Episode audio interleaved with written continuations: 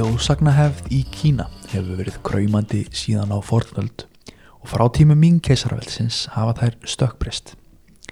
Hinnar ímsu draugasögur eða förðu sögur eins og þær eru oft kallaðir í Kína hafa verið skrifaða niður og sapnað saman í hinn ímsu rítverk. Flestar sögur af þessu tægi eru flökkusögur sem hafa ferðast á milli manna í munlegri geimt í aldana raðir. Embætismenn sem hafa fengið formulega mentun og þjálfun í klassískri kímisku hafa síðan tekið slíka sögur saman og búið til söfnin sem við getum lesið í dag. Þessar sögur eru margar og má sjá skemmtilega hlið kímneska menningar í gegnum þær. Ótti alþýðunar við hinn yfir náttúrulega öll hefur týðkast í flestum menningarheimum jarðarnar og er Kína þar ekki undanskilið. Ég heiti Daniel Bergman og þú ert að hlusta hlaðvarpið í Östur vegi. Bókmyndahefðin er einn helsti menningararfur kínverja og má sjá aðra grúa af sögum sem bæði eru skrifaðar til þess að varvita í sakfræðilegu samingi sem og lýsa hennu yfir náttúrulega.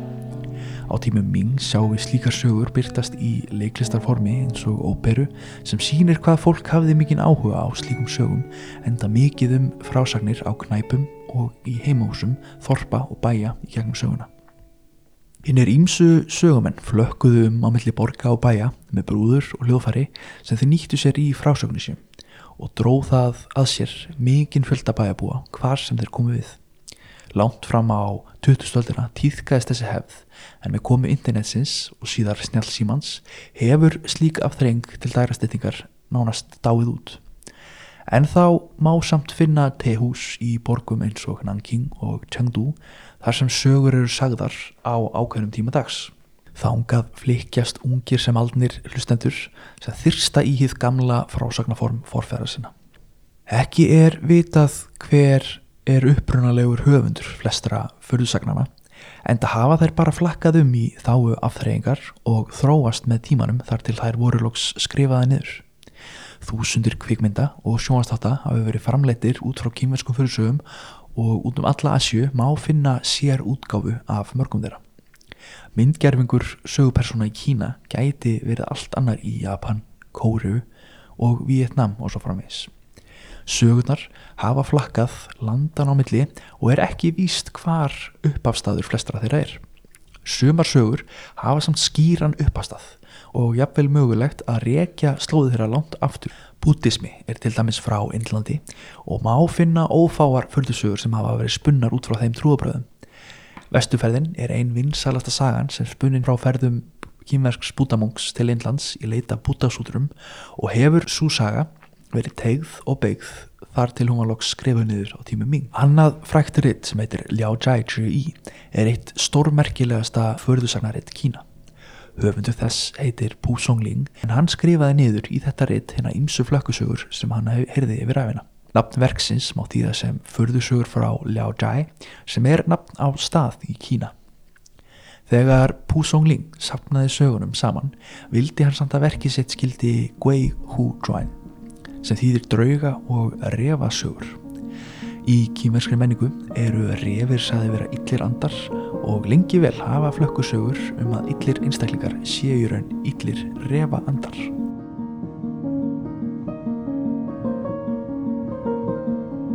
Refaandar og draugar hafa byrst í frásögnum og ljóðum frá tímum hann tísarvelsins og tilhera flokk undraverna sagna eða sagna um hið yfir náttúrulega. Þessi flokkur frásagna inniheldur guði, drauga og anda hinn að látnu forfæðra sem að festst hafa á jörðinni og kjósa að herja á menn með eins og með hrylling og drápum. Hetur þessara sagna eru yfirleitt bútískir munkar eða dáískir prestar sem fara sína leðir til þess að losa fólkið undan þessum yfirnáttúrulegu vandræðum. Oftast eru sagnir frá þessum tíma í formi rýmna en fyrðusugur sem slíkar eru frekar þekktar fyrir að rýma ekki til þess að auka óþægindin og hryllingin við lesturinn. 2000 árum síðar er ennþá framleitur slíkur kveðskapur og hafa vinsældir þessa skáld sagnahefðar ekkert nema aukist í gegnum aldeinar.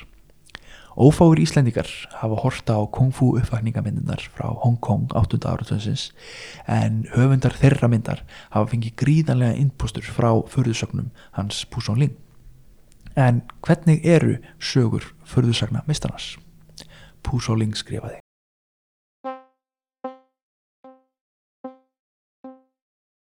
Yuchi liti bænda uppreist á 17. öld. Þá var sem mannlífið væri einskisvirði og ótal manns lágu í valnum. Það var orðið dimt þegar Þorpsbúi að nafni Lý Hua Long flúði heim úr fjöllunum. Hann heyriði í hermunum færast nær og það kvartlaði að honum að hann gæti verið tekinn í misgripum fyrir uppreistmann. Ótaðist því um lífsitt og í ofbóði leitaði hann að felustað. Þá kom hann auga á hrúu af líkum sem lágu á jörðinni. Lý lagðist niður á meðal þeirra og láð þar graf kyrr á meðan hermerinnir fóru fram hjá.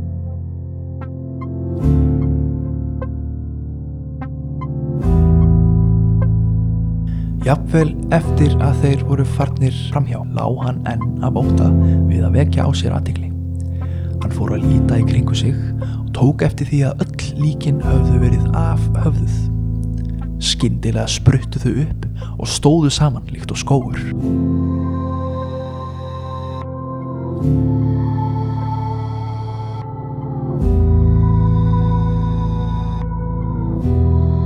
Á einu líkana mátti þó sjá höfuð sem rétt hjekk á slitru af holdi og lafði niður af aukslinni.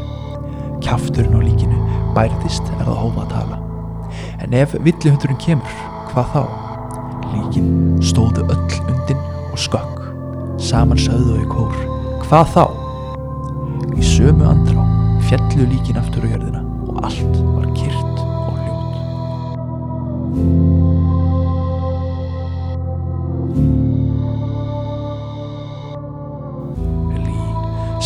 skalva hræðslu, hræðslu og þráði ekkert heitar en að forða sér en þá nálgæðist eitthvað ferlingi. Skeppnan var að mestu dýrslega sjá nema höfuð hennar líktist mannhöði. Skeppnan beigði sig yfir líkin og fór að naga höfuðin. Þegar hún komst að heilanum saug hún þá upp í sig. Lí var skelvingulostinn og gróf höfuð sitt undir líkin. Skeppnan nálgæðist Lí og reyndi að draga hann undan á aukslinni til að komast að höðunas. Af öllum lífs og sálakröftum barðist Lí við að halda sér niðri svo dýrið næði honum ekki. Skeppnan fór þá að draga til sín líkin sem voru í kring til að auðvelda sér að ná höðinu og loks kom hún auga á það.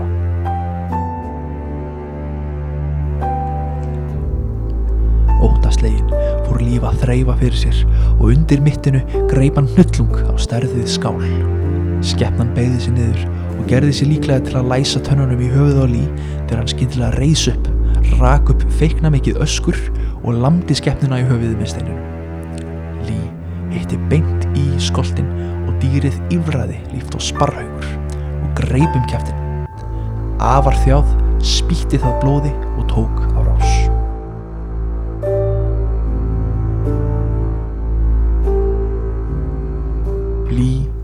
gekk að blóðpollinum sem skeppnan hafði spýtt út úr sér og sá í honum miðjum tvær tennur.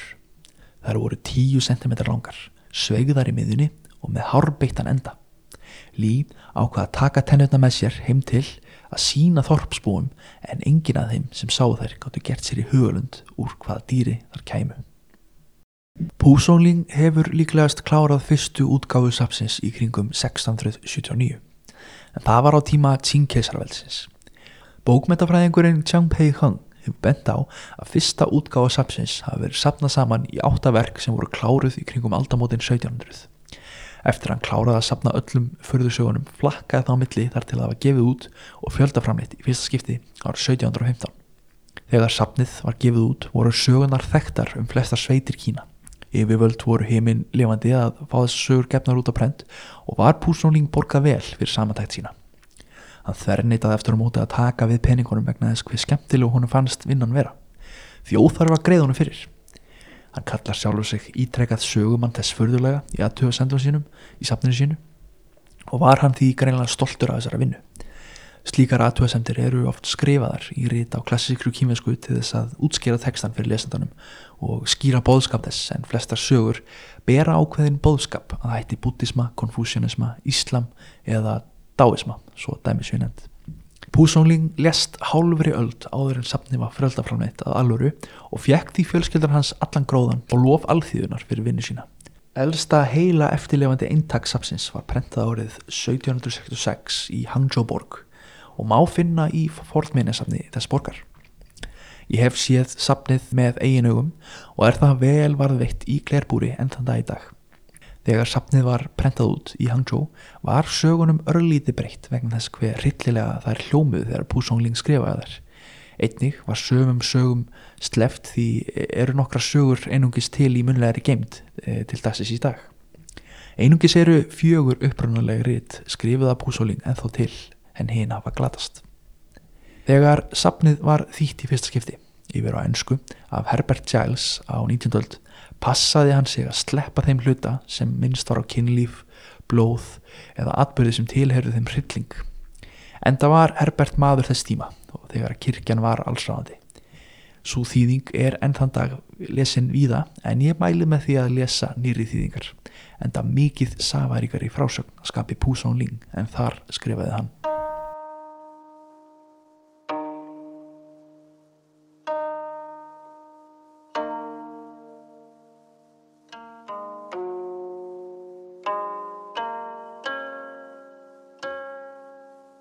Í Taiyuan var maður að nafni Wang. Einn morgunin í gungu sinni sá hann unga konu. Hún helt á efnisklættum bakka og haldraði í flíti. Wang haskaði sér til hennar og áttaði sig á því að þetta væri afarfalleg ung kona um 16 ára.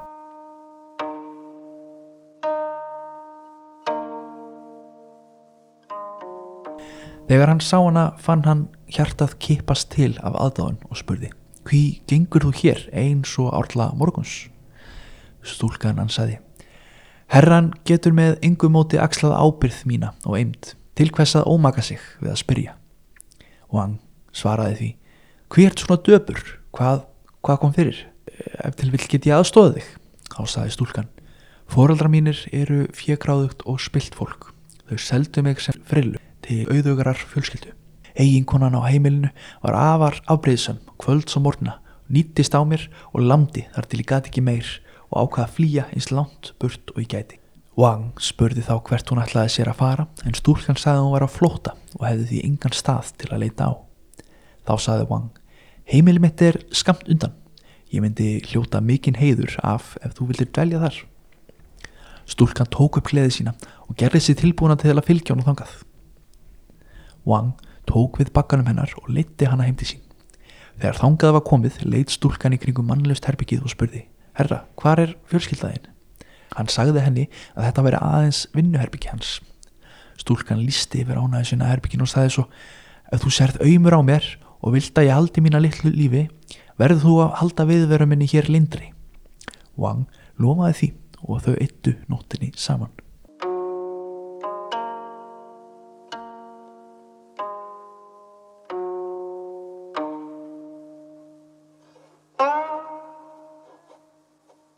Í leini dvaldi stúlka þar í einhverja daga án þess að nokkur önnur sála vissi af henni.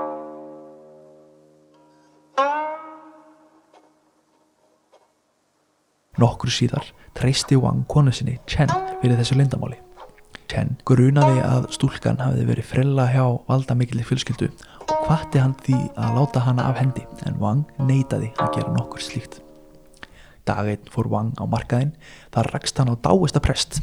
Presturinn horfiði undrandi á Wang og spurði Hverju hefur þú mætt?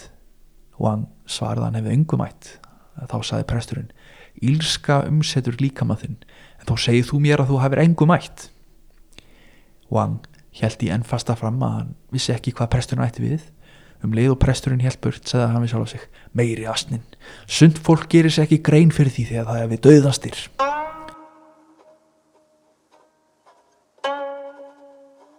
döðastir. Wang bráði þessari orð og varðum leið hugsa til ungu konar.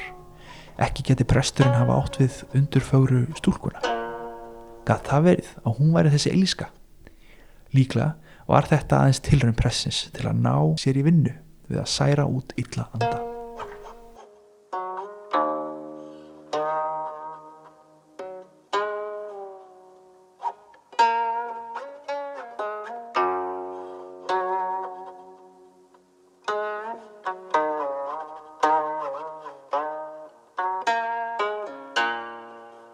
Áður en hann vissi af var Wang kominn fyrir framann hliðið á vinnustofu sinni.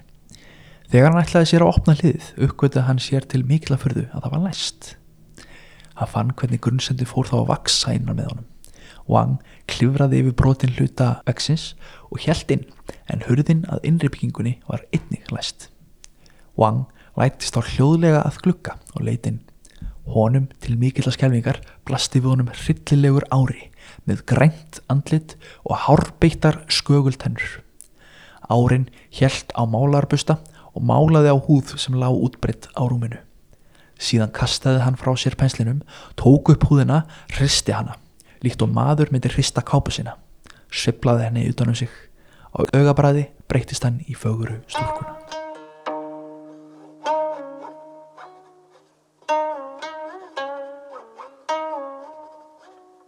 Wang fylltist skjelvingu og skreið í burtu líkt og hrættýr. Hann hóf í ofbóði að leita að dáistaprestinum en vissi þó ekki hvert hann ætti að fara til að finna hann. Hann leitaði út um allt og fann hann loks við útjarð bæjarins. Wang kastaði sér hann hén, gráðbað prestinum að hjálpa sér. Presturinn sagði, best væri að reykja hana í burtu. Skeppnar lítur að hafa verið komin í talsverðar ógangur og er nýbúið að finna sér staðgengil. Ég hefði ekki í mér að særa hana. Presturinn gaf Wang svo flugnafælu og sagði honum að hengja hann upp á herbyggisstyrnar. Að lokum skipulögðu þeir endurfund í Qingdi hofi. Wang snýri heim. Hann þorði ekki að fara í vinnuherbygg sitt heldur fór að rakleitað svefnherbygginu sinu og hengdi upp flugnafæluna. Setnað um kvöldið heyrði hann vikt hljóð fyrir utan höruna líkt og rödd sem hafi verið að kæfa niður.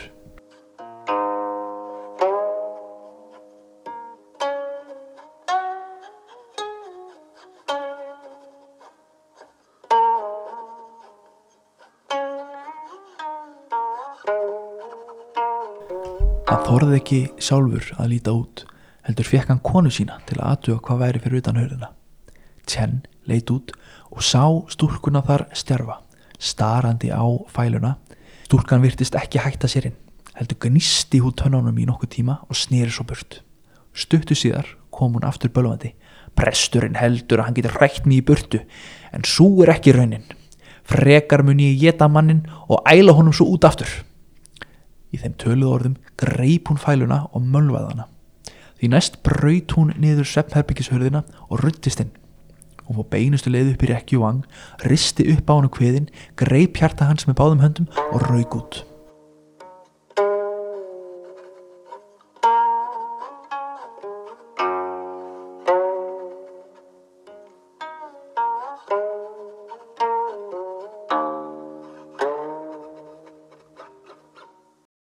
Chen rak upp sársökafullt gól og þjónustustúlkan kom þá inn með kerti og lísti upp líkið. Wang var með glett sár á bringunni og það mátti sjá blóðslettur út um allt herbyggið. Chen var svo skelvingurlostinn að hún kom ekki upp hljóði. Daginn eftir flýtti yngri bróður Wang sér til pressins til að segja honum frá því sem hafði gest. Presturinn sagði reyðilega Ég sem hafði samúð með þessum djöfli. Hann hafði svo eftir allt saman divskuna til að fremja þessi voðaverk. Presturinn fylgdi bróðir Wang heim til hans. Árin hafði ekki lengur í negin hús að venda. Presturinn leit til allra átta og sagði Blessunarlegra hefur hann ekki sloppið mjög lánt. Hver býr í söður álmunni? Bróðir Wang sagði Það mun vera minn ífyrstaður. Presturinn sagði þá Þar dvelur árin. Við þessi orð brá unga manninum og sagði halda sagðist halda að svo væri ekki. Presturinn spurði hvort hann hafi ekki orðið var við ókunna mannesku heima hjá sér í dag. Maðurinn svaraði að hann hafi farið af að snemma um morgunin til Tsingdi Hofs til að hitta hann og hafi því ekki orðið var við nokkuð mann. Hann sagðist svo að hann myndi fara tilbaka til að aðtuga málið. Það leiði ekki á löngu þá til hann kom aftur og sagði þú hafði rétt fyrir þér. Í morgun kom gömul kona sem sótist eftir þjónustu starfi. Kona minn réð hana og vísaði henni til herbyggisins og hún er þar enn. Presturinn sagði, það er skefnan. Þeir fóru í aðalsalinn, presturinn var vopnaður viðarsverði og kallaði, Illi djöfull, þú skulda mér flugna fæluna. Gamla konan var í herbygginu sínu þegar hún heyrði þessi orð. Hún fölnaði að hræðslu og tók til fótana. Presturinn eldi konuna og hjói hann. Húðin og gömlu konunni flagnaði af og hún breytist aftur í rillilega árin. Nýja niður á fjórafætur og ríti líkt og göldur. Presturinn hófa loft sversitt og hjó af honum höfðið. Líka með hans varð að hrúu á jörðinni og þykkan reik lagði af honum. Presturinn tók fleig og kastaði honum í myrðan reikin. Mikið sókljóð heyrðist þegar að fögrandi slikjan sogaðist öll inn í flegin.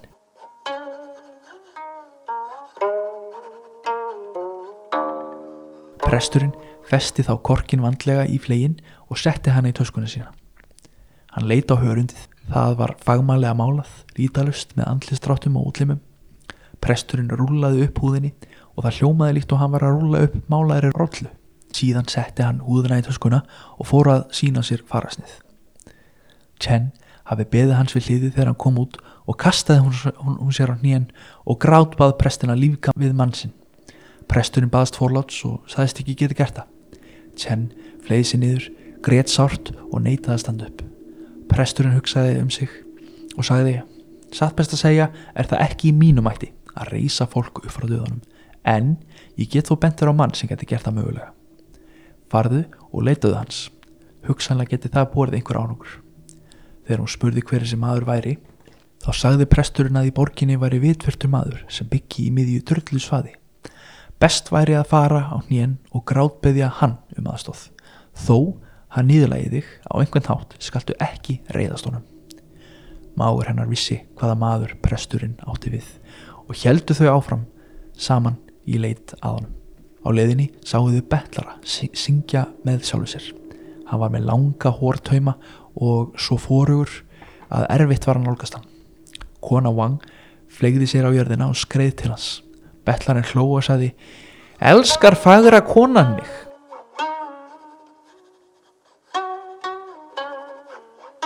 Hún hófa að segja honum frá því að sem að undan hafi gengið enn og ný rak betlarinn upp trillingslegan hátur og sagði Það er fjöldin allur af einmönnum þarna úti handaðir til hvers að vekja einn upp frá dauðan Tjenn grét þá með enn meiri ákjæfð því næst sagði betlarinn enn förðulegt fólk deyr og ég er beðin um að endur líka það.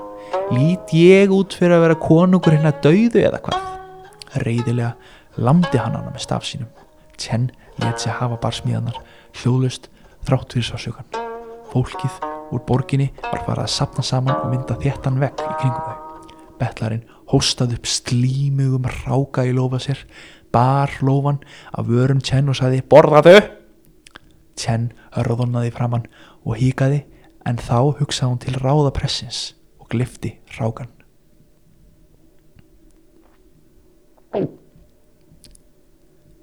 Hún fann hvernig slímið ferðaðist niður hálsin líkt og grófur bómullar nóðuri og nam svo staðar við bringuna. Bettlarinn í þeim töluðu orðum hafði hann sjá brott. Chen eldi hann inn í mitt hof en sá hann hvergi.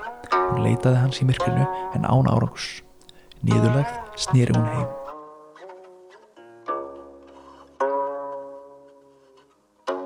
Chen hófa sirkja dauðamann.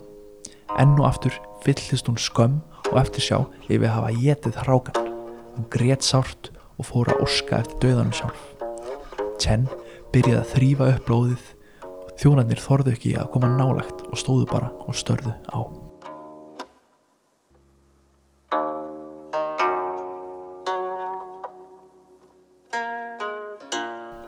Hún held utan um líkið og fór að sapna saman yðrunum og grét hún þar til hún varð hás.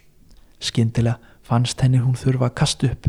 Hún fann fyrir einhverjum klumpi innan með sér að ferðast upp á ógnar hraða og áður hún vissi af fjall klumpurinn ofan í opið sárið á líkinu. Óldaslegin leit hún í sárið og sá þar tifandi mannshjarta. Hún fann fyrir hita frá hjartanu og það var sem reykur lagði á því. Þetta var afar fyrðulegt. Í ofbóði laðist hún báðar hendur á bringuna og fór að þrista sárun saman en húðin var ekki nógu tegjanleg og heitt loftið slapp út. Hún reif þá silkjefni til að binda fyrir því næst notaði hún hendunar til að nutta hita í líkamann og smá saman hitnaði hann. Hún setti þá yfir hann teppi og fór að byggja.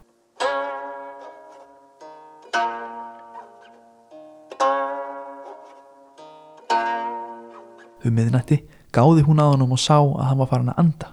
Í dagræningu var hann lifandi. Hann sagði, ég er svo svepturukkin að mér líður líkt að ég sé að dreyma, en þó finn ég aðeins fyrir dopnum sársöka í bringunni. Hann skoðaði á sér sárið og þar var storknað blóð í læginu eins og stór peningur. Hún fór batnandi og komst að lokum til ný.